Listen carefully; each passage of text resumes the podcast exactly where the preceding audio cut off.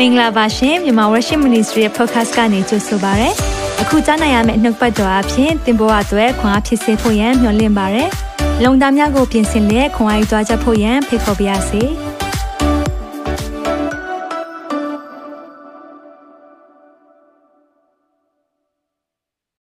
ဘေးကိုကြည်တာစိတ်ပြည့်ရင်ထက်ကိုကြည်ပါအာမင်ဒီနေ့လည်းဘေးကိုကြည်တဲ့အခါမှာစိတ်ပြည့်ခြင်းအများကြီး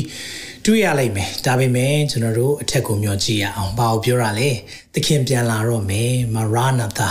come quick lord jesus တဲ့သခင်အမြန်ဆုံးပြန်လာဖို့ကျွန်တော်မျှော်လင့်တယ်အဲ့ဒီမျှော်လင့်ချက်တွေမပြတ်ပါနဲ့အာမင်သခင်ပြန်လာခြင်းကကျွန်တော်တို့အတွက်မင်္ဂလာရှိသောမျှော်လင့်ရာဖြစ်တယ်ဒါကြောင့်အားလုံးကိုဒီနေ့မှလည်းပြန်လည်၍ကြိုးဆိုတယ်အာ share ပြပါအောင်เนาะကျွန်တော်နှုတ်ဘတ်တော်ဝင်ခါတော့မယ်ဒီအားလုံးဟာယုံကြည်သူများ ကြားတဲ့အရာဖြစ်တယ်လို့မယုံကြည်သူများလည်းသိတဲ့အရာဖြစ်တယ်။ဒါကြောင့်ကျွန်တော်ဒီနေ့ပြောမယ့်အကြောင်းအရာဒီတမန်ကျမ်းစာပြည့်စုံခြင်းတွေဘယ်လောက်ရှိနေပြီလဲ။ဒါကိုကျွန်တော်တို့အထူးပဲလေ့လာသွားရအောင်။ဖျာရှင်နာမ၌ရောက်စီတိုင်းကိုကြိုဆိုရဲခဏလောက်ကျွန်တော်တို့အသက်တာအချိန်တိုင်းကိုအနံ့ရအောင်။အသက်ရှင်သောထာဝရမြတ်စွာဘုရားသခင်ကိုရောနာမတော်ကိုအထူးပဲချီးမွမ်းပါတယ်။ဒီနေ့ကျွန်တော်ဘေးပတ်ဝန်းကျင်ကိုကြည့်တဲ့အခါမှာကြောက်မဲ့စရာတွေစစ်မဲ့ဘေးတွေနဲ့ အရာအားလုံးဟာစိတ်ပြက်စရာအနေနဲ့မြင်ရပါတယ်ဒါပေမဲ့ကိုရောကိုရောကိုကြည်ဖို့ရန်အတွက်ဒီနေ့နှုတ်ပတ်တော်အဖြစ်ပြန်လည်ပြီးတော့ကျွန်တော်တို့ကိုနှိုးဆော်နေလို့ယေရှုတင်တယ်သခင်ပြန်လာတော့မယ့်အချိန်နီးလာလေလေလောကကြီးမှာဖြစ်ပျက်တဲ့အရာတွေရှုပ်ထွေးလာလေလေကိုခံစားရပါတယ်။ဒါကြောင့်ကိုရောတမန်တရားအဖြစ်ကျွန်တော်တို့ကိုအလင်းပေးပါ။ဉာဏ်မျက်စိကိုမြင်စေပါ။ဒီအရာအဖြစ်ဒီနေ့ကြားနာမယ်နှုတ်ပတ်တော်အဖြစ်ကျွန်တော်ရဲ့အသက်တာမှာတိဆောက်စရာခွန်အားရစရာဖြစ်စေပါ။ သခင်ယေရှုရဲ့မြတ်သောနာမ၌စက္ကန့်နဲ့ဆုတောင်းပါ၏အာမင်အာမင်ဝန်ခံနေကြနှုတ်ပတ်တော်လည်းဝန်ခံရအောင်136ခုမြောက်သောစာလံပိုင်ငယ်105နှုတ်ပတ်တော်သည်အကျွန်ုပ်ခြေရှိမှမိခွက်ဖြစ်၍ကျွန်ုပ်လန်ကီကိုလင်းစေပါ၏တစ်ခါလောက်ဝန်ခံပါအောင်နှုတ်ပတ်တော်သည်အကျွန်ုပ်ခြေရှိမှမိခွက်ဖြစ်၍ကျွန်ုပ်လန်ကီကိုလင်းစေပါ၏ဒီနေ့နှုတ်ပတ်တော်အားဖြင့်ကျွန်တော်သွားမယ်လမ်းဘုရားရှင်ကဖွင့်ပြပါစေဒီနေ့ကျွန်တော်တို့ prophecy update အာ match လာအတွက်ကျွန်တော်တို့လုပ်သွားမှာဖြစ်တယ်ဆိုတော့ဖြစ်ပျက်နေတာတော့အများကြီးရှိတယ်ဒါပေမဲ့အဲ့ဒီထဲမှာမှကျွန်တော်တို့ကောက်နှုတ်ပြီးတော့ပုပ္ပနမိတ်တွေဘာတွေပြနေပြီလဲကျွန်တော်သိတယ်အာ signs of the time ခေတ်ကာလရဲ့နမိတ်တွေကြည့်တဲ့အခါမှာအဲ့ဒီထဲမှာလုံးဝလစ်လျူရှုထားလို့မရတဲ့အရာတခုကပါလဲဆိုတော့ signs of Israel Israel နိုင်ငံရဲ့နမိတ်ဖြစ်တယ် ဆိုတော့ Israel နိုင်ငံကိုကြည့်ခြင်းအပြင်ကျွန်တော်တို့ဟာနောက်ဆုံးသောကာလရောက်နေပြီဆိုတာပြောနိုင်တယ်။ဆိုတော့အရင်တော့နောက်ဆုံးသောကာလအကြောင်းနေတမန်ကျမ်းစာမှာရှိပေမဲ့တိတ်မပြောကြအောင်အထူးသဖြင့်ချီဆောင်ခြင်းပြီးရင်ဒုတိယအချိန်ကြွလာခြင်းဒီအကြောင်းတွေတိတ်မပြောဘူးဘာလို့လဲဆိုတော့ Israel နိုင်ငံကနိုင်ငံအဖြစ်မရှိသေးတဲ့အခါမှာဒီအကြောင်းတွေပြောရင်အဓိပ္ပာယ်မရှိဘူး။ဒါပေမဲ့1948ကနေစပြီးတော့ Israel နိုင်ငံဟာနိုင်ငံအဖြစ်ပြန်လဲရည်တည်တယ်။ချိန်ထဲမှာပဲ 1960ခွန်ဒီရဲ့စစ်ပွဲတွေအပြီးမှာဘာဖြစ်လာလဲဆိုတော့ဂျေရုရှလင်မြို့ကလည်းဣသရေလနိုင်ငံရဲ့အထဲမှာပြန်ပြီးတော့အုပ်ချုပ်မှုတွေမှာပြန်ရှိလာတယ်။နော်ဒါဒီအရာတွေကိုမြင်တွေ့တဲ့အခါကျမှဒါကနောက်ဆုံးသောကာလဟာပို့ပို့ပြီးတော့နီးလာပြီဆိုတာပို့ပြီးတော့ကျွန်တော်တို့ကိုသိစေတာဖြစ်တယ်။ ဒါကြောင့်လေအခုနောက်ပိုင်းမှာဆိုရင်တော့ပို့ပြီးတော့ဒီရဲ့နောက်ဆုံးသောကာလအကြောင်းတွေကိုကျွန်တော်တို့တွေဝင်ခါသက်သေခံနေတာဖြစ်တယ်။ဒါကြောင့်ဒီနေ့ဘာတွေပြောသွားမလဲကျွန်တော်ချက်လောက်ကြည့်ရအောင်။ဒါကတော့တမန်ကျမ်းစာပြည့်စုံချက်များဆိုပြီးတော့ပဲအာကျွန်တော်တို့ prophecy update လေးကိုဒီနေ့လုပ်သွားမှာဖြစ်တယ်။ဆိုတော့ prophecy update နဲ့ပတ်သက်ပြီးတော့ဒီနေ့မှာဘာကြားရမလဲဆိုတော့ Iran နဲ့ Israel အကြောင်းကြားရမယ်။ဘာကြောင့်လဲ။အစ္စရေးအကြောင်းနဲ့ပတ်သက်ပြီးတော့အီရန်ကအခုအချိန်မှာဆိုရင်တော့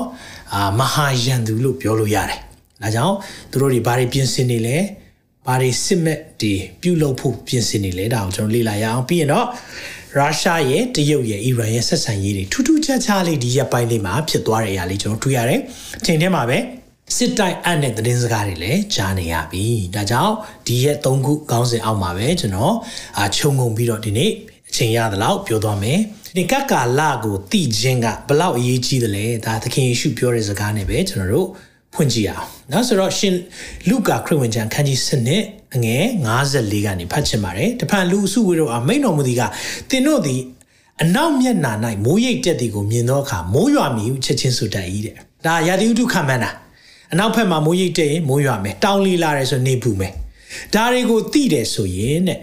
။ခင်ယေရှုပြောတဲ့အရာ။ 56လှုပ်ဝက်တော်သူတို့သင်တို့သည်မြေကြီး၏မျက်နှာနှင့်မိုးကောင်းကင်မျက်နှာကိုပိုင်းခြား၍သိနိုင်ကြ၏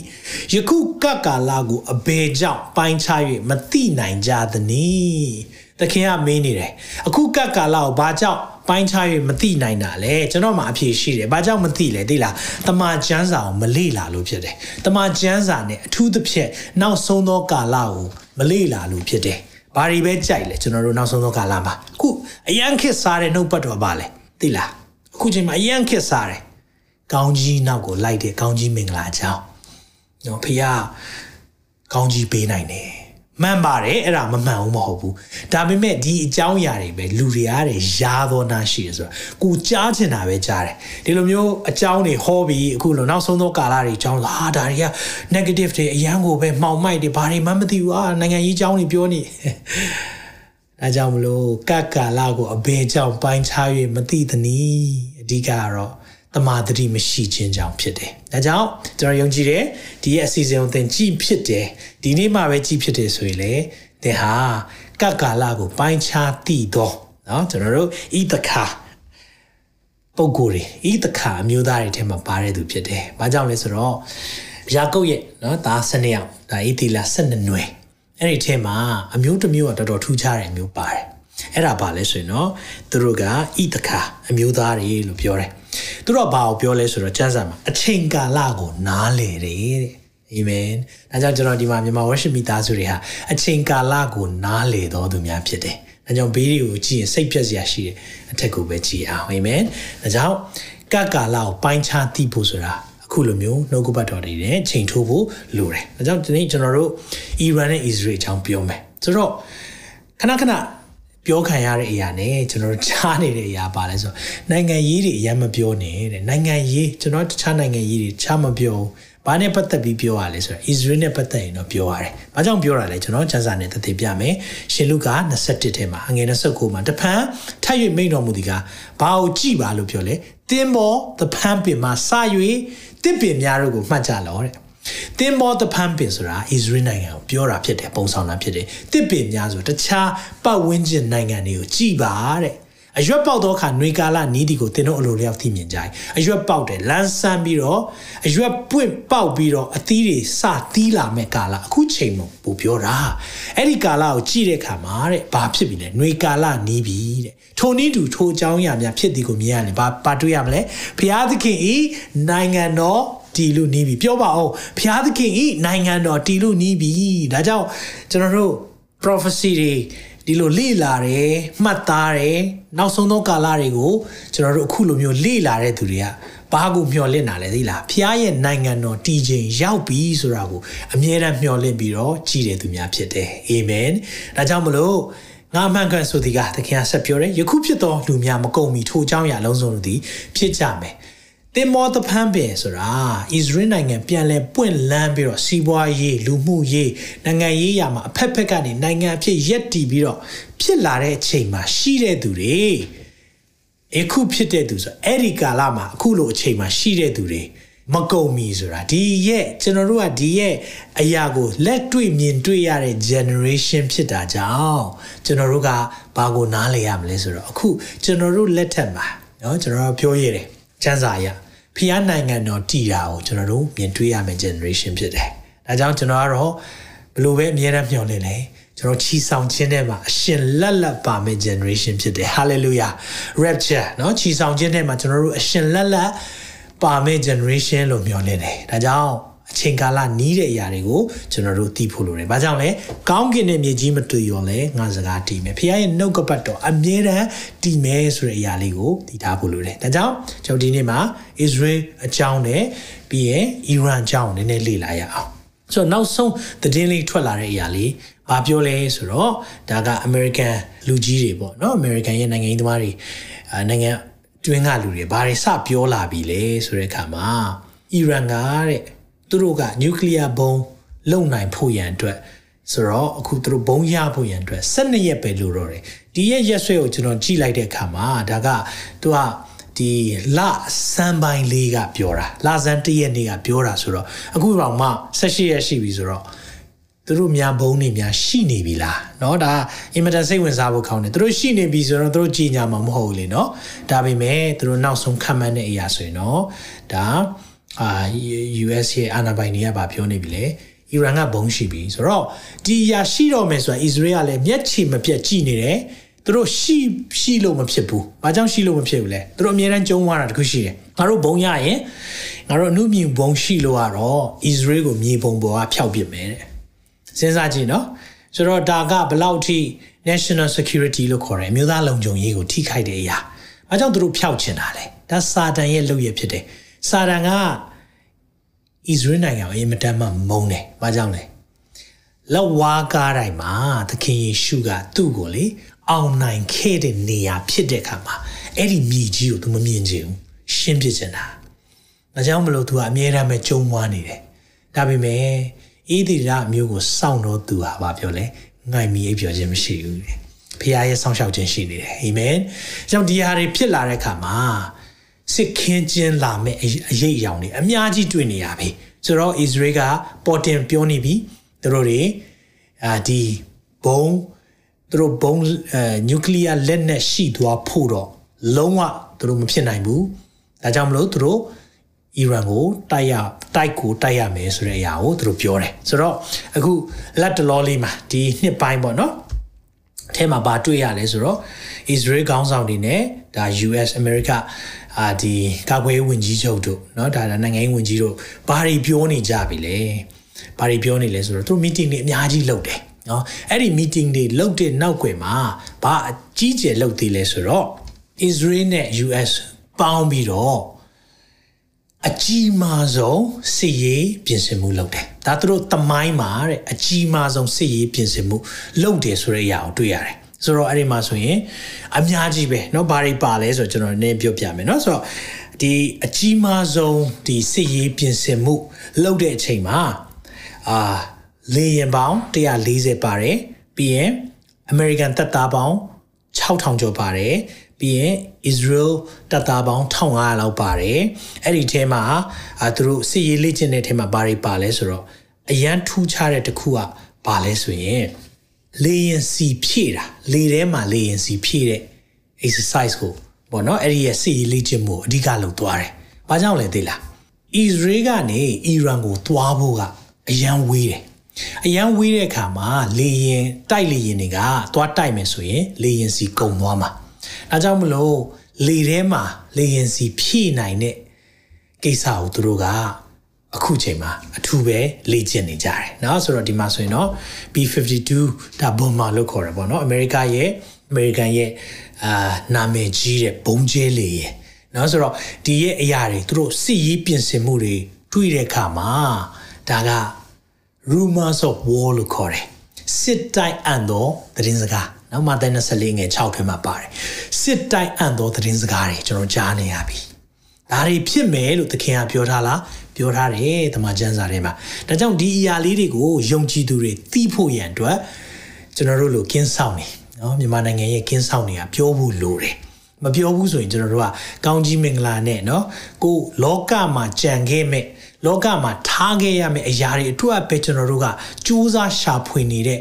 အတိုင်းဝိုင်းတွေဖြစ်ကုန်တယ်။ဒါတွေမဖြစ်ဖို့ဘုရားကလိုရှိတယ်။ဒါကြောင့်မလို့တမလွန်အရေးအတွက်เนาะကျွန်တော်နောင်ကြီးစိတ်ချရဖို့ရန်အတွက်ဒီလို message တွေ မြန်မြန်ကြားဖို့လိုတယ်။ဒါကြောင့်ဒီနေ့မှလည်းဒီအရာကိုပြောပြတာဖြစ်တယ်။ဆိုတော့ဒီနှစ်ပိုင်းအစောပိုင်းမှာဆိုရင်လေ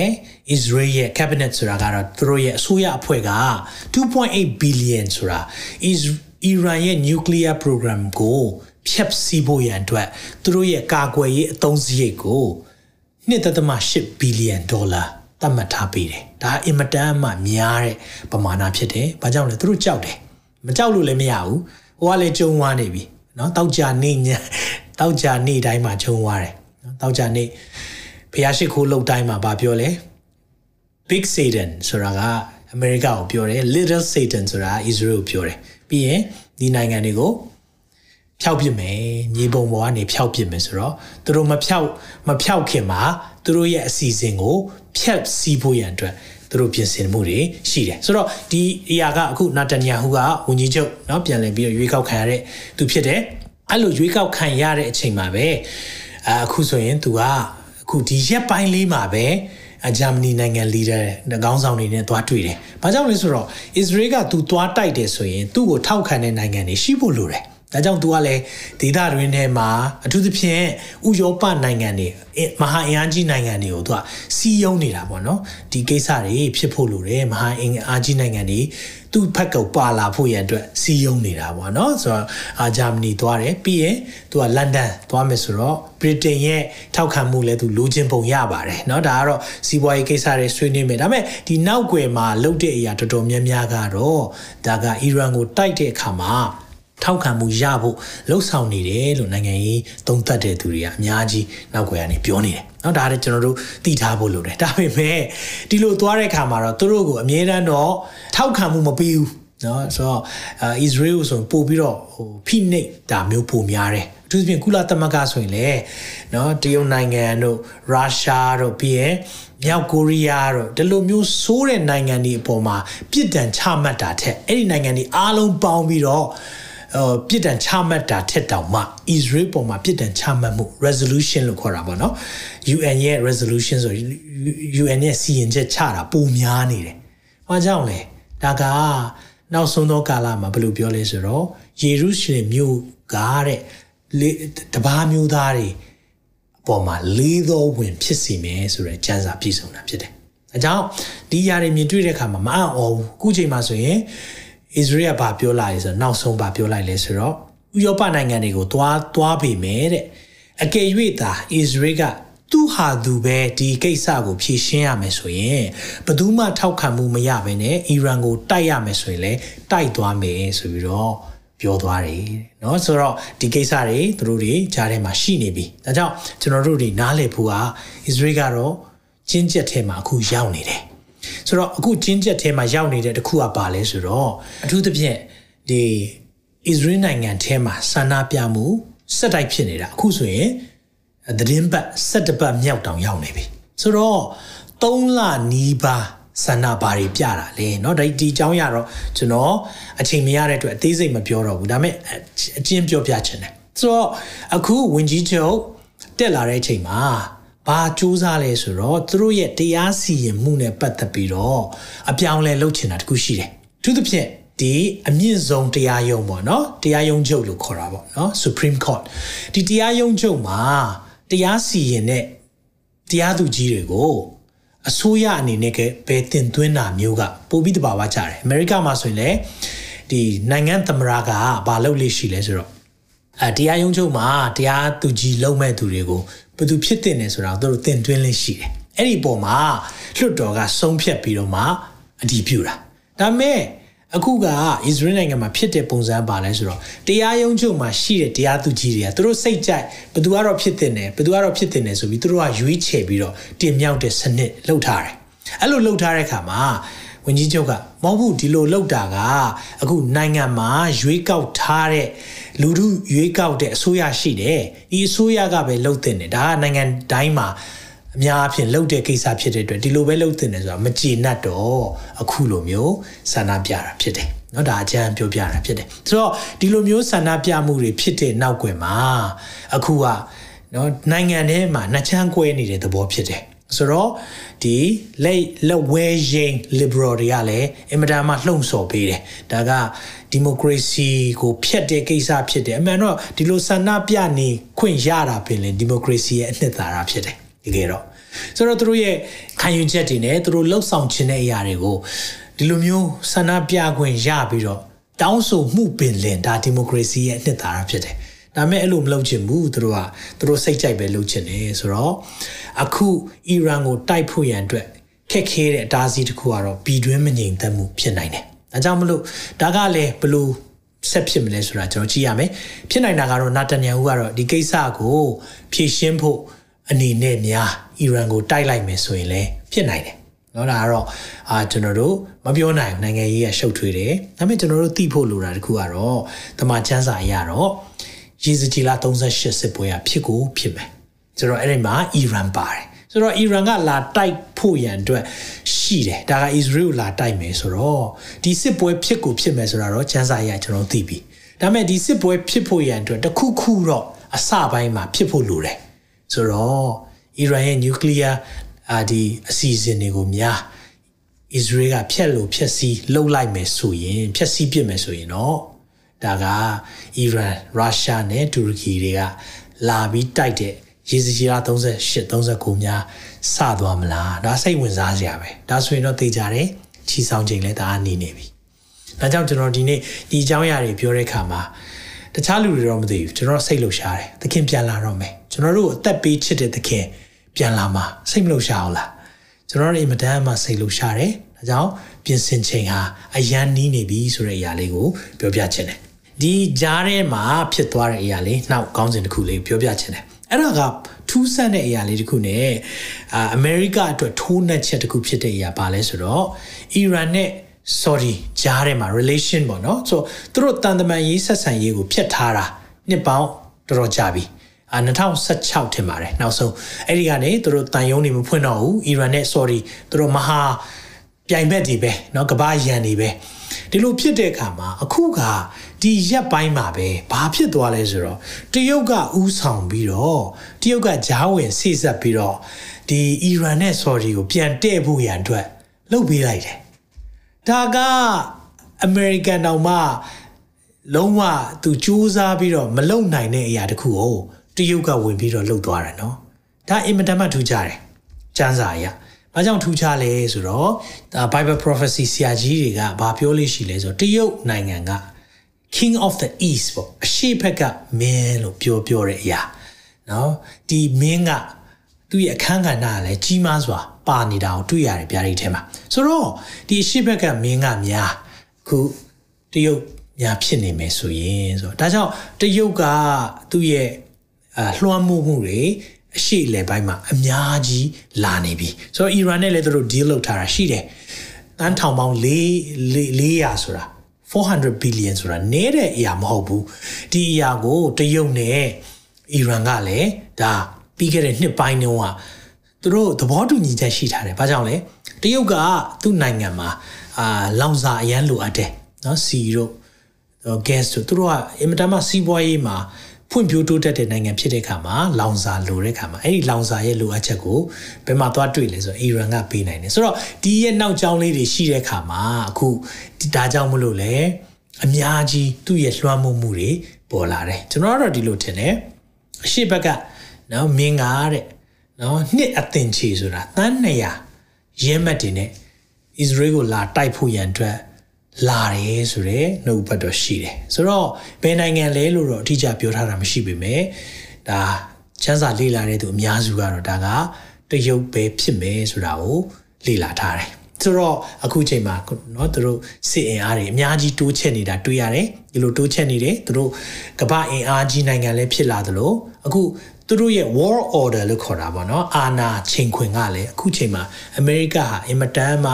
ထိုးကြနေတဲ့ကာလဖြစ်တယ်။ဘာကြောင့်ထိုးကြလဲကျွန်တော်သိတယ်။ဖျားရဲ့နှုတ်ကပတ်တော်မှာမရက်တီတော့ဘဲနဲ့ကိုယ့်ရဲ့စိတ်ကြိုက်အသက်ရှင်ခြင်းနဲ့စိတ်ကြိုက်မူဝါဒတွေလုပ်ခြင်းနဲ့ဒီလိုမျိုးအုပ်ချုပ်တဲ့အစိုးရနော်အခုလက်ရှိအစိုးရအာဏာရအစိုးရရဲ့လုပ်ရက်တွေအားလုံးနောက်ွယ်မှာတိုင်းပြည်ကထိုးကြတယ်အခုရက်ပိုင်းဆိုရင်လည်းဘန်နော်ဘန်နှစ်ခုနောက်တတိယတစ်ခုတော့မှပြတ်ဖို့ရန်အစီအစဉ်ရှိနေတယ်ဆိုတော့အောဖို့ကောင်းတယ် เนาะအဲ့ဒါလေးဆက်ဆက်ပြီးပြောပြအောင်ခုနခုနကျွန်တော်ဓာတ်ပုံလေးပြန်သွားလိုက်မယ်เนาะအဲ့ဒါဘာလဲဆိုတော့ဒီ Israel မှာဆန္ဒပြတဲ့အဖွဲ့တော်တော်များများကသူတို့ခေါင်းဆောင်တွေကနီးပညာနဲ့ပတ်သက်တဲ့ company တွေများတာပေါ့နော်အဲ့ဒီ company တွေကဘာပြောလဲဆိုတော့သူတို့ရဲ့ငွေကြေးတွေကိုတဲ့အခု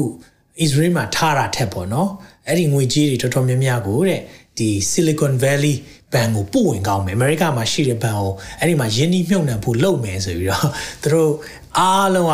ဒီအစိုးရတက်တက်လာတဲ့ခါမှာမကြည်နပ်တဲ့ခါမှာသူတို့ငွေတွေအားလုံးပေါ့နော်ကွန်ပဏီကငွေတွေအားလုံးကိုဒီ Silicon Valley Bank ကိုပို့ကြတယ်အခုအိတ်ဘဏ်ပြတ်သွားပြီပြောချင်တာပါလေနော်ဒါကြောင့်မလို့ဒါကြောင့်သူတို့လုံရက်တွေရှေ့ကနေကြီးကျယ်လုံနေပေမဲ့သူတို့ကိုသူတို့ရဲ့ဆုံးရှုံးမှုတွေအများကြီးနောက်ွယ်မှာရှိတယ်ဒါတွေမြင်တွေ့တဲ့အခါမှာအော်လို့ ဒါဒီဘန်တွေပြတ်သွားတာတို့ကိစ္စတွေနောက်ွယ်မှာဖရားရဲ့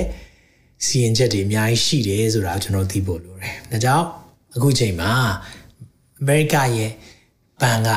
ဘန်ပြတ်တဲ့အရာတွေအခုချိန်မှာအများကြီးအအာဒီငွေကြေးဖောင်းပွားဖောင်းပွားမှုတွေရှိနေတယ်အဲ့ဒီနောက်ွယ်မှာဒီထက်မကဆိုးလာနိုင်တဲ့အရာတွေတွေ့လိမ့်မယ်နော်ဆိုတော့အမေရိကရဲ့အခန်းကဏ္ဍတဖြည်းဖြည်းနိုင်ငံတွင်းထဲမှာတော့မှအာအင်မတန်မှ ချွတ်ချုံကြလာတဲ့ဘိုင်းလေးတွေမြင်တွေ့ရတဲ့အခါမှာတော့ဒီရဲ့အရှိလေဘိုင်းကနေသူရဲ့အခန်းကဏ္ဍမှီးမိန်လာတယ်တခုကတော့ခုနကျွန်တော်မြင်တွေ့ရတယ်တရုတ်ရဲ့အခန်းကဏ္ဍအင်မတန်မှကြီးထွားလာတာကိုမြင်တွေ့ရတယ်ဒါစိတ်မကောင်းစရာပဲ။ဘာကြောင့်လဲဖရားရဲ့တမန်ကျမ်းစာပေါ်မှာယက်တီခြင်းကနေစွန့်ခွာမယ်ဆိုရင်တော့ရန်သူတွေကတော့အင်မတန်မှကိုယ့်ရဲ့တစ်ဖက်မှာအင်အားကြီးလာမယ်။ဒါမှလည်းနောင်တရပြီးဖရားထံအောင်လှည့်လာလေးရှိတယ်။ ဒါကျွန်တော်နှုတ်ကပတ်တော်ထဲမှာကြီးတဲ့ခါမှာလည်းတောက်လျှောက်အမြဲတမ်းတွေ့ရတဲ့အရာဖြစ်တယ်เนาะဒါလေးကိုကျွန်တော်နားလည်ရမယ်ဆိုတော့အခု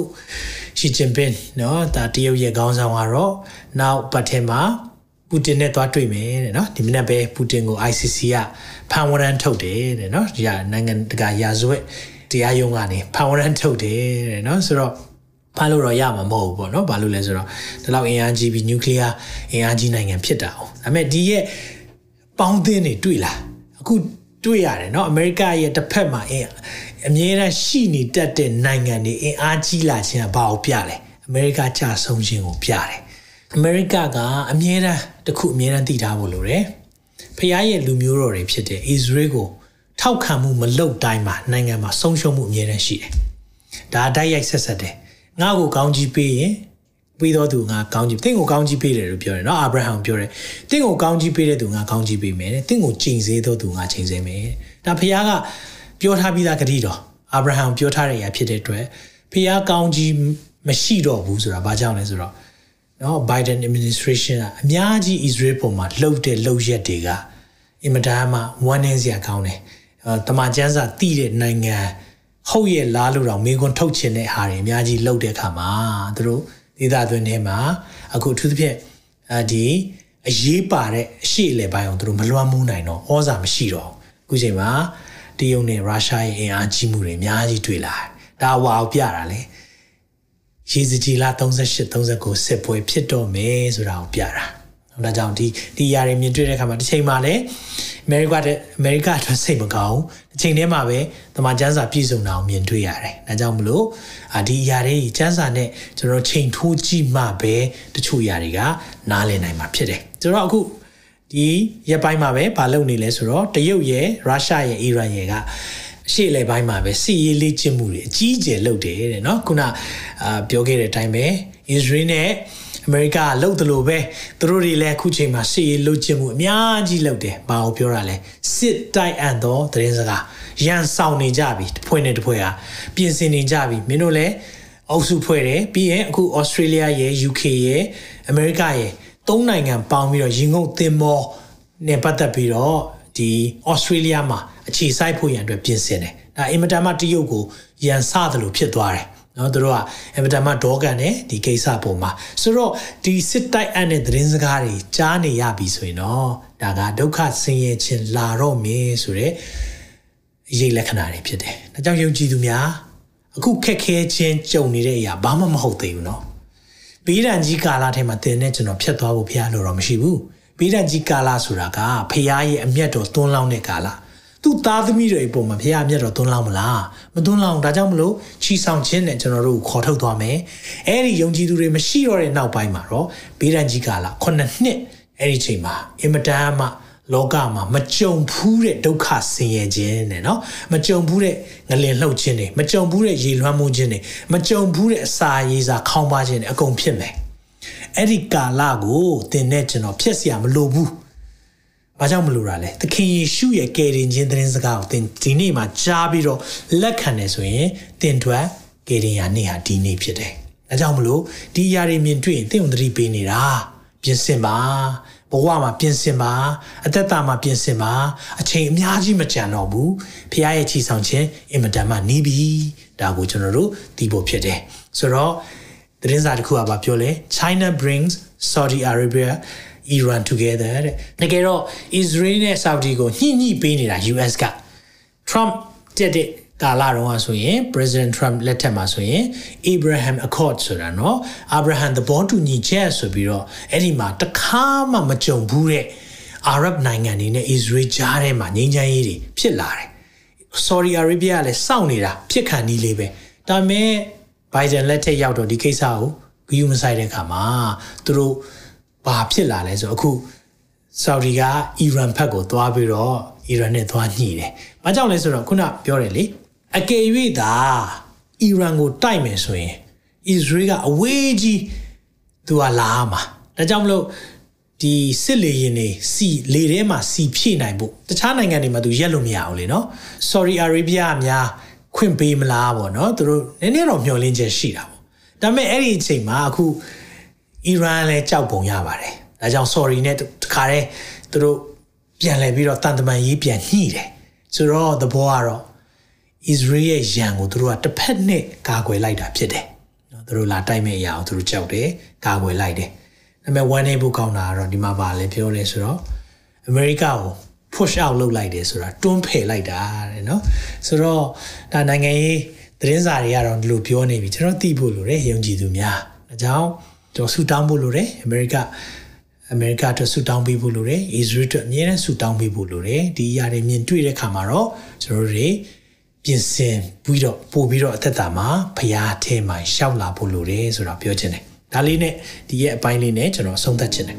။စစ်မှတ်နဲ့စစ်တိုက်အံတော့သတင်းစကား wars and rumors of war ဆိုတော့စစ်တိုက်အံတဲ့သတင်းစကားကြားမလားကျွန်တော်နှုတ်ပတ်တော့တပိုက်ပေးခြင်းနဲ့မာသဲ24ထဲမှာပြောထားတဲ့အရာငယ်3ကနေဖတ်ခြင်းနဲ့ထို့နောက်တန်လွင်တောင်မှထိုင်တော်မူစဉ်တပည့်တော်တို့သည်အခြားသူများမပါဘဲချင်းကပ်၍ထုံဥရာတို့သည်အဘယ်ကာလမှဖြစ်မိကို၎င်းကိုရော်သည်ကြွလာ၍ဤကကဘာကုံသောပုပ္ပနမိတ်သည်အဘယ်နမိတ်ဖြစ်သူကို၎င်းအမိန်တော်အမိန်ရှိတော်မူပါဟုရှောက်ကြ၏တပည့်တော်တွေကသခင်ကိုမေးတယ်ကိုရောပြန်လာမဲ့အချိန်ကကကာလကုံမဲ့ နမိတ်တွေပြောပြပေးပါတဲ့အဲ့ဒီမှာသခင်ပါပြောလိုက်တယ်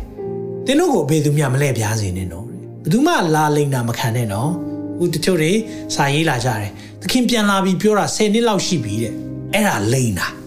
တရုတ်ပြည်မှာတရုတ်မအနေနဲ့သခင်ယေရှုပြန်လာပြီအဲ့ဒါလိန်တာအဲ့ဒါတွေယုံဖို့မဟုတ်ဘူးအဲ့ဒါတွေမှန်လားဆရာလာမမေးနဲ့တင်နှုတ်ဘတ်တော့တေချာနားမထောင်လို့လေမသိတာဒီနေ့သခင်လာတယ်ဆိုရင်အဲ့လိုခိုးကြောင်ခိုးဝဲလာမှာမဟုတ်ဘူး သခင်ကသူ့ရဲ့အသင်းတော်သူ့ရဲ့အသွေးနဲ့အသားနဲ့ရွေးဝယ်ထားတဲ့သင်းတော်ကိုချီဆောင်မဲ့နေ့ရက်ရှိတယ်အဲ့ဒီနေ့ရက်ရောက်လာဖို့ဘယ်လိုပြောလဲအများသောသူတို့ကငါဒီခရစ်တော်နော်ခရစ်တော်လာပြီတို့ခရစ်တော်ပေါ်လာပြီဆိုတာမျိုးအယောင်ဆောင်ရိပ်ပေါ်လာသဖြင့်လူအများတို့ကိုလှည့်ပြားကြမယ်အဲ့ဒီထဲမှာသင်တဲ့ကျွန်တော်ပါဖို့မဟုတ်ဘူးအများကြီးကတော့ခံရအောင်မယ်အဲထဲမှာပါသွားအောင်မယ်ကျန်းစာရ ပါသွားအောင်မယ်ဒါပေမဲ့ဘလို့သတိထားရမလဲသင်တို့ဒီစစ်တိုက်ခြင်းအကြောင်းကို၎င်းစစ်တိုက်ခြင်းအကြောင်းယူကရိန်းရုရှားဝေါ်တွေမကြားရဘူးလားကြားရတယ်သတင်းတွေကြီးလိုက်တိုင်းမှာယူကရိန်းနိုင်ငံဆိုရင်တကယ်ကိုစုပ်ပြတ်သားပြီးတော့ပျက်စီးတွေနဲ့သိချမှုတွေသိငန်းရှိနေပြီဒီလိုကိစ္စတွေကြားတယ်စစ်တိုက်အံသောသတင်းစကားအခုကြားနေရတယ်ဒီကိစ္စတွေ ကြားရလိမ့်မယ်တဲ့သို့တော်လဲစိုးရိမ်တုန်လှုပ်ခြင်းမရှိစေခြင်းကသတိပြုကြတော့သခင်ကတခါတည်းပြန်ပြောတယ်ဒီလိုကြားလို့မစိုးရိမ်နဲ့အခုဒီနေ့ပြောတာလေသင်ကိုစိုးရိမ်မှုပြောတာမဟုတ်ဘူးနော်ပြင်ဆင်ဖို့ပြောတာစိုးရိမ်မှုပြောတာမဟုတ်ဘူးပြင်ဆင်ဖို့ပြောတာထုံမှုရများသည်ဖြစ်ရမည်ဖြစ်ကိုဖြစ်လိမ့်မယ်သို့တော်လည်းအဆုံးသည်မဖြစ်သေးတဲ့ဘေးရန်ကြီးကာလာရဲ့အဆုံးနောက်ဆုံးတော့ရောက်သေးအောင်မှာရောက်အောင်မှာမဟုတ်ဘူးလူတစ်မျိုးနဲ့တစ်မျိုးတနိုင်ငံနဲ့တနိုင်ငံရန်ပဲပြုမယ် အခုအခုမြင်တွေ့နေရတဲ့အရာတွေပဲအရေးယူတဲ့နောက်အစာခေါင်းပါမယ်အခုယူကရိန်းစစ်ဖြစ်တာကြောင့်တဲ့ဂျုံကဘာမှာဂျုံတင်ပို့မှုသုံးပုံတစ်ပုံကအဲ့ဒီပင်လယ်နဲ့ထဲကနေလာတာတနည်းအားဖြင့်ယူကရိန်းဘက်ကနေလာတာအဲ့ဒီအရာတွေပိတ်လိုက်တဲ့အခါမှာအခုအမေရိကမှာမကြုံဘူးတဲ့အစာနော်ဆိုင်နေမှာဝယ်မဲ့ပစ္စည်းမရှိတာအခု ဩစတြေးလျမှာပစ္စည်းတွေဝယ်မဲ့ပစ္စည်းမရှိတာတွေကြုံရတယ်ပြီးရင်ကာလနာများမယ် COVID-19 ခု COVID-19 ဖြစ်တာအခု၄နှစ်ရှိပြီခုလုံးဝပျောက်သေးလားမပျောက်ဘူးရှိနေသေးပဲဒီလိုကိစ္စတွေမြေလောက်ချင်းမြေလောက်ချင်းတွေခုပြီးခဲ့တဲ့ရက်ပိုင်းမှာတူရကီမှာအခုထိလဲတည်တည်တည်တည်လေးတွေလှုပ်နေသေးပဲဒါတွေဖြစ်ကြမယ်ထိုမှုရတော့ဒီဒုက္ခဆင်းရဲခြင်းအစအဦးပဲဖြစ်သည် အခုကျွန်တော်လှမ်းမြင်နေရပြီနော်ဝိရန်ကြီးကာလကိုကျွန်တော်လှမ်းမြင်နေရပြီမိတ်ဆွေဒီအရာတွေမြင်ပြီးဆိုရင်တင်းနဲ့ကျွန်တော်ပြင်ဆင်ရအောင်ပြင်ဆင်ရအောင်ကြောက်ဖို့ခြောက်နေတာလည်းမဟုတ်ဘူးသင်ဘေးဒဏ်ကြီးကလာမှာဖြတ်သွားတဲ့အခါမှာဟာအဲ့ဒီတော့နားထောင်လိုက်ရင်ကောင်းတာနောင်နာမရစေခြင်းဒီနေ့ဒီသင်ဒီရဲ့သတင်းစကားကိုသင်ကြားရဆိုရင်ဖခင်ရဲ့ချီဆောင်ခြင်းရှိနေစေဖြစ်တယ်ဖခင်သင်ကိုသိချစ်တယ်ဖခင်သင်ကိုဆက်လက်လမ်းပြခြင်းတယ် သူရဲ့ချီဆောင်ခြင်းထဲမှာသူတို့သမီးအဖြစ်သင်လည်းအပါဝင် ဖြစ်ဖို့ရန်အတွက်ဆန္ဒရှိတယ်ဆိုရင်ဒီနေ့ဟာခေတ္တရာနေ့ဖြစ်တယ်အာမင်ဒီလိုကိစ္စတွေပေါ်လာတယ်ကျွန်တော်စောင့်ကြည့်ရမယ့်နိုင်ငံတွေအများအားပြောရရရှိတယ်ရုရှားပါတယ်အီရန်ပါတယ်တာကီတူရကီပါတယ်ဒီနိုင်ငံတွေအခုချိန်မှာတဖြည်းဖြည်းစီယုံလာတာတွေတွေ့ရတယ်စီလုံးလာတယ်စီရီလေ့ကျင့်တာတွေတူတူလောက်တာတွေတွေ့ရတယ်ဒီလိုဖြစ်လာတဲ့ခါမှာတဲ့ကျွန်တော်ဖြစ်တော့မယ်ဒီရဲ့ စစ်ပွဲเนาะကျွန်တော်ဒီဟာကိုဥတည်နေတဲ့အရာလေးတခုကိုဒါလေးပြောပြချင်တယ်ဂောဂဤမာဂောဂစစ်ပွဲယေဇဂျီလာ38နဲ့39ထဲမှာပါတယ်အဲ့ဒီထဲမှာပါတဲ့နိုင်ငံတွေပေရတိပြည်သားပါရှာเนาะအငယ်6အငယ်9ကိုကြည့်ပေးပါပေရတိပြည်သားအဲ့ဒါပါရှာအီရန်ပြောတာအီရန်ပါတယ်ကုရှာเนาะကုရှာပြည်သားဖူတကုရှာအီသီယိုးပီးယားဖူတလစ်ဗျာ ဂေါမာနဲ့သူဤတက်မြမြောက်ပြည်သားဒေါဂမအဲ့ဒါတူရကီအဲ့မှာဘသူကအူဆောင်လာမလဲယောရှပီမေရှက်ပီတူဘူးလာကိုဆိုရတော့မာဂောကဂောကမင်းအဲ့ဒါရုရှားဖြစ်တယ်ဆိုတော့ဒီရဲ့စစ်ပွဲဖြစ်တော့မယ်လို့ကျွန်တော်တို့ကခဏခဏသတိပေးနေတဲ့အချိန်မှာအဲ့ဒီမတိုင်ခင်လေးမှာဖြစ်မဲ့အရာလေးတွေလည်းအခုချိန်မှာစစ်တိုင်အန်တဲ့သတင်းစကားတွေကျွန်တော်တို့ကြားနေရပြီဒါပေမဲ့လည်း တဲ့အဲ့လိုသတိပေးနေတဲ့ကြားထဲမှာလူတစ်မျိုးတစ်စားရှိသေးတယ်အမြဲတမ်းရှိတတ်တဲ့အမျိုးအစားလေးတခုကျွန်တော်အဲ့ဒါလေးပြောပြချင်တယ်အဲ့ဒါကနှစ်ပေ33နဲ့မှာဗာပြောလဲဆိုတော့ထာဝရဘုရားရဲ့နေ့ရက်ဆိုတဲ့ခေါင်းစဉ်ငယ်လေးမှာရှေးစွာတိမှတ်သောအရာမူကားနောက်ဆုံးသောကာလ၌ဘယ်လိုလူမျိုးပေါ်လာမလဲပြည့်ရည်ဖြူတတ်သောသူတို့သည်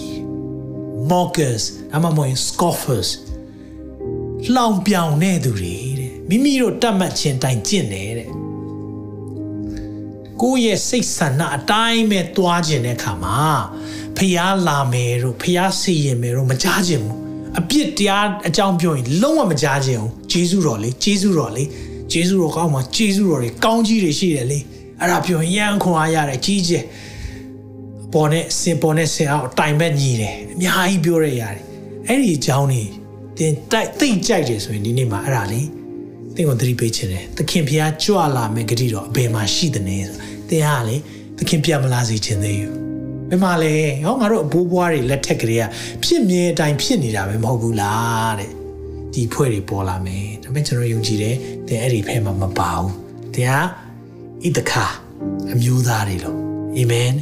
ကကာလအချိန်ကိုနားလေတဲ့သူတွေမှာသင်ပါပါအာမင်ပြည့်ရပြည့်တဲ့အဖွဲ့ရှိမယ်ကကာလကိုနားလေတဲ့သူရှိတယ်အဲ့ဒီနှစ်ဖွဲ့ထဲမှာဘယ်ထဲမှာပါခြင်းလဲသင်ဆုံးဖြတ်ချက်ပဲဖြစ်တယ်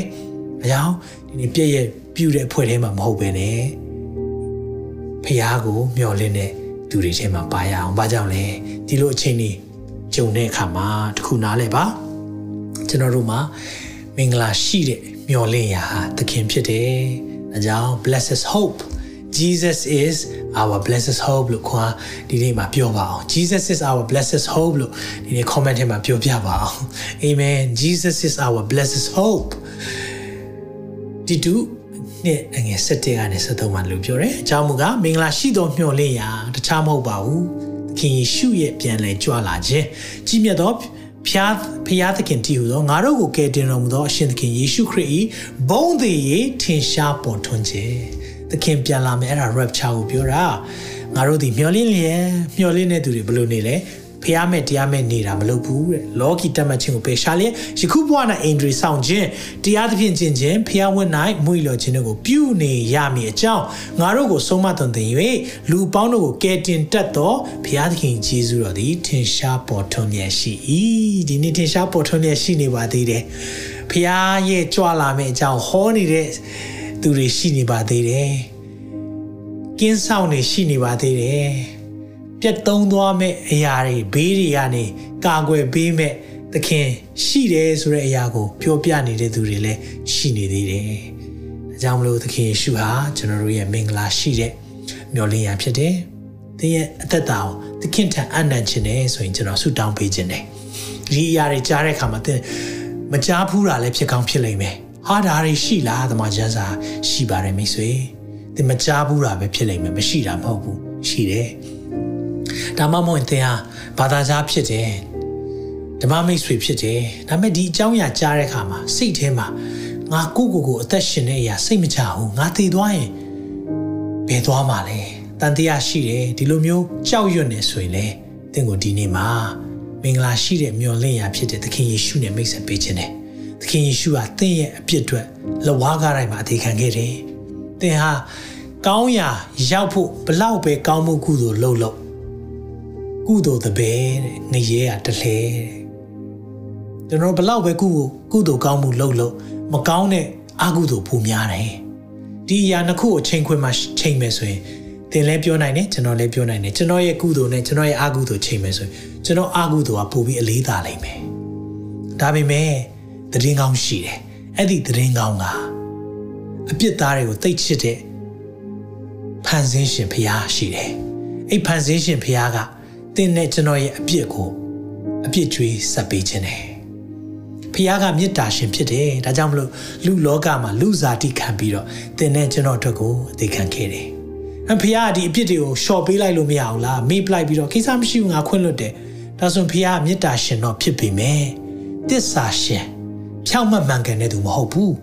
ဒါကြောင့်အပြစ်ဆိုတဲ့အရာကိုတော့စီရင်ရလိမ့်မယ်ဒါပေမဲ့ तू ကဘယ်မှာစီရင်လိုက်လဲလဝါကားတိုင်းပေါ်မှာ သားတော်သခင်ယေရှုပေါ်မှာစီရင်လိုက်တယ်သင်နဲ့ကျွန်တော်ကိုချစ်ချင်းကိုပြတာဖြစ်တယ်။ဖခင်ရဲ့ဖြောင့်မတ်ခြင်းကိုပြတာဖြစ်တယ်။အကြောင်းလက်ဝါးကားတိုင်းဆိုတာဘာလဲ။ဖခင်ရဲ့ဖြောင့်မတ်ခြင်းနဲ့ဖခင်ရဲ့မေတ္တာဆုံတွေ့တဲ့နေရာဖြစ်တယ်။အဲ့ဒီကားတိုင်းမှာတကူရှိတယ်။သင်ရဲ့အဖြစ်ကျွန်တော်အဖြစ်အားလုံးကိုသခင်ယေရှုအသိခံပြီးပြီဖြစ်တယ်။ဒါဆိုအဲ့ဒီရဲ့ခွင့်လွှတ်ခြင်းကိုဘယ်လိုရနိုင်မလဲ။သခင်ယေရှုကျွန်တော်ကိုကျမကိုခွင့်လွှတ်ပေးပါလို့ ဝန်ခံပြီးတော့ဒီနေ့မှာသခင်ကိုဘဝအသက်တာအနှံလိုက်ခြင်းอ่ะသင်ရဲ့တမလွန်နောင်ရွေးအတွက်စိတ်ချရဖို့ရန်အတွက်အာမခံဖြစ်တယ်။အဲကြောင့်သင်ကြိုးစားစရာမလိုတော့ကိုးစားဖို့ပဲလိုတယ်။အဲကြောင့်သင်ရဲ့ယုံကြည်ခြင်းသင်ရဲ့မျှော်လင့်ချက်အားလုံးကိုဒီနေ့မှာလောကအရာမှာမထားပါနဲ့။ငွေကြေးမှာမထားပါနဲ့။ကိုဘန်မှာထားပြီးတော့တန်ပေါင်းများစွာရှိတဲ့သူတွေဘန်ပြတ်သွားတဲ့အခါမှာ ကုန်သွားတယ်။တစ်သက်လုံးရှာခဲ့တဲ့အရာတွေပျက်စီးသွားတယ်။ဒါပေမဲ့ထာဝရမပျက်စီးနိုင်တဲ့အရာသင်ရဲ့ဝိညာဉ်ဖြစ်တယ်။သိတန်ဖို့ရှိတယ်။ကျွန်တော်ရဲ့ဝိညာဉ်ဖြစ်တယ်။သိတန်ဖို့ရှိတယ်။အဲ့ဒီတန်ဖို့ရှိတဲ့အရာဘယ်သွားမလဲကျွန်တော်မေးခြင်းတယ်။သင်ရဲ့ဝိညာဉ်ဘယ်သွားမလဲ။အဲ့ဝိညာဉ်ကဘယ်တော့မှမပျက်စီးဘူး။နှစ်နေရာပဲသွားမယ်။တနေရာကတော့ဖန်ဆင်းရှင်ဖျားရှိတဲ့ကောင်းကင်ကိုသွားမယ်။နောက်တနေရာတော့အပြစ်တရားရဲ့အခသေခြင်းဖြစ်တဲ့ငရေကိုသွားမယ်။ ဒီနေ့ကျွန်တော်သွားမယ့်နေရာကျွန်တော်တိကျပြောနိုင်တယ်ဖះစီသွားမယ်ဘာကြောင့်လဲကျွန်တော်ရဲ့မျောလင်းချက်တွေယုံကြည်ချက်တွေအားလုံးကိုသခင်ယေရှုထံမှာအနန္တလို့ဖြစ်တယ်ဒါကြောင့်သင်လည်းဒီနေ့မှာကယ်တင်ခြင်းအတွက်ကိုယ့်ရဲ့အသက်တာအနန္တခြင်းနဲ့ဆိုရင်ကျွန်တော်ဆုတောင်းပေးခြင်းနဲ့ကျွန်တော်နောက်ကနေဂျေစုပြု၍လိုက်ဆုပ်ပေးပါကိုယ့်ရဲ့နှလုံးသားထဲကခံစားချက်ခံယူချက်အတိုင်းပဲဒီနေ့ဆုတောင်းပေးဖို့ရန်အတွက် ဖိတ်ခေါ်ပါတယ်ကျွန်တော်နောက်ကနေယေရှုပြည့်အားလုံးလိုက်ဆိုပေးပါသခင်ယေရှုခရစ်တော်ဖျားကျွန်တော်ဟာအပြစ်သားဖြစ်ပါတယ်အပြစ်တရားရဲ့အခါဟာသေခြင်းဖြစ်ပါတယ်ကျွန်ုပ်သည်အပြစ်ကြောင့်ငရဲသွားတင်တော်သူဖြစ်ပါတယ်သို့ပေမဲ့လည်းသခင်ယေရှုရဲ့လက်ဝါးကားတိုင်းမှာအပြစ်ကြွေးဆက်ပေးခြင်းကြောင့်ကျွန်ုပ်ပြစ်အားလုံးသည် မိုးပွင့်ခဲ့သူဖြူချောင်းကိုဒီကနေ့မှာကြားသိရပါပြီကျွန်တော်အပြစ်အားလုံးကိုဝင်ချတောင်းပန်ပါတယ်သခင်ယေရှုဖျားခွင့်လွှတ်ပေးပါကိုရောကိုကျွန်ုပ်ဘွားရဲ့အရှင်သခင်အဖြစ်အုပ်ဆိုးဖို့ရန်ကျွန်ုပ်နှလုံးသားထဲမှာနေရာပေးပါတယ်သခင်ယေရှုနာမ၌ဆုတောင်းပါ၏အာမင်အာမင် မိတ်ဆွေဒီဆုတောင်းချက်ကိုတင့်နှလုံးသားထဲကတောင်းနေဆိုရင်တမန်ကျမ်းစာဘာပြောလဲသခင်ယေရှုကိုတဲ့စိတ်လုံးသားတွေကနေယုံကြည်ပြီးတော့သူ့ရဲ့ဖခင်ကသူ့ကိုရှင်ပြန်ထမြောက်စေတယ်ဆိုတာယုံကြည်ပြီးတော့နှုတ်နဲ့ဝန်ခံမယ်ဆိုရင်ကြည်တင်ခြင်းရတယ်လို့ပြောပါတယ်။ဒါကြောင့်ဒီနေ့ဟာသင်ရဲ့ KJR နေ့ဖြစ်တဲ့ Welcome to the family မိသားစုထဲကနေသင်ကိုအားလုံးကကြိုးဆိုပါရယ်ဖခင်ရဲ့အကြောင်းကိုတာ၍သိကျင်တယ် ဒီရဲ့ပြောနေတဲ့အရာတွေပို့ပြီးသိကျင်တယ်ဆိုရင်ဂျေဇုပြု၍ကျွန်တော်တို့ကိုစာရေးသားဆက်သွယ်ပါသင်ရဲ့အသက်တာမှာခရစ်တော်နောက်ကိုလိုက်တော်ခရိယန်တယောက်အဖြစ်ဘဝကိုယက်တည်ခြင်းနဲ့ပြောင်းလဲခြင်းနဲ့ဆိုရင်ကျွန်တော်တို့ကိုဂျေဇုပြု၍အသိပေးပါလို့ဒီနေရာကနေထပ်ဆင့်ပြီးတော့တည်ငောင်းပါခြင်းပါတယ်ဂျေဇုတင်နဲ့ဒီရဲ့အရာအလုံးကိုနားထောင်ပေးတဲ့အတွက်ဂျေဇုတင်နဲ့ကျွန်တော်ဆုတောင်းအောင်ကြီးပေးခြင်းနဲ့ဒီစီစဉ်ကိုဆုံးသက်သွားမှာဖြစ်ပါတယ် ထာဝရဘုရားသည်သင်ကိုကောင်းချီးပေး၍ဆောင်မတော်မူပါစေသောထာဝရဘုရားသည်သင်၌မျက်နာတော်အလင်းကိုလွှတ်၍ဂိယူနာကျေးဇူးပြုတော်မူပါစေသောထာဝရဘုရားသည်သင်ကိုမျှော်ကြည့်၍ချမ်းသာပေးတော်မူပါစေသောဘုရားထံမှလာတဲ့ငွေကြီးနဲ့ဝယ်ယူလို့မရတဲ့ချမ်းသာခြင်းများပျော်ရွှင်ခြင်းနဲ့ငြိမ်သက်ခြင်းများသင်နဲ့တမိသားစုပေါ်မှာတက်ရောက်ပါစေလို့သခင်ရှုနာမနဲ့ကောင်းချီးပေးဆုတောင်းပါတယ်။နောက်ထုတ်လွှင့်ချက်မှာဘုရားလိုတော်ရှိရင်ပြန်တွေ့ရအောင်။ဒီနေရာကနေအားလုံးကို God bless you လို့ဆုတောင်းပေးရင်းနဲ့ဒီစီစဉ်ကိုဒီမှာပဲအဆုံးသတ်ပါတယ် See you later တင်ခုလိုနာဆင်ခွန်အားနိုင်ခြင်းဟာမြန်မာ Worship Ministry ကိုလာဆင်ပန်ပိုးနေကြတဲ့ Kingdom Partners များအကြောင်းဖြစ်ပါတယ်။ဖျားခင်နိုင်ငံတော်ကျယ်ပြန့်ရေးအတွက်လာဆင်ပေးကမ်းပောင်းဖို့ရန်ဖိတ်ခေါ်လိုပါတယ်ရှင်။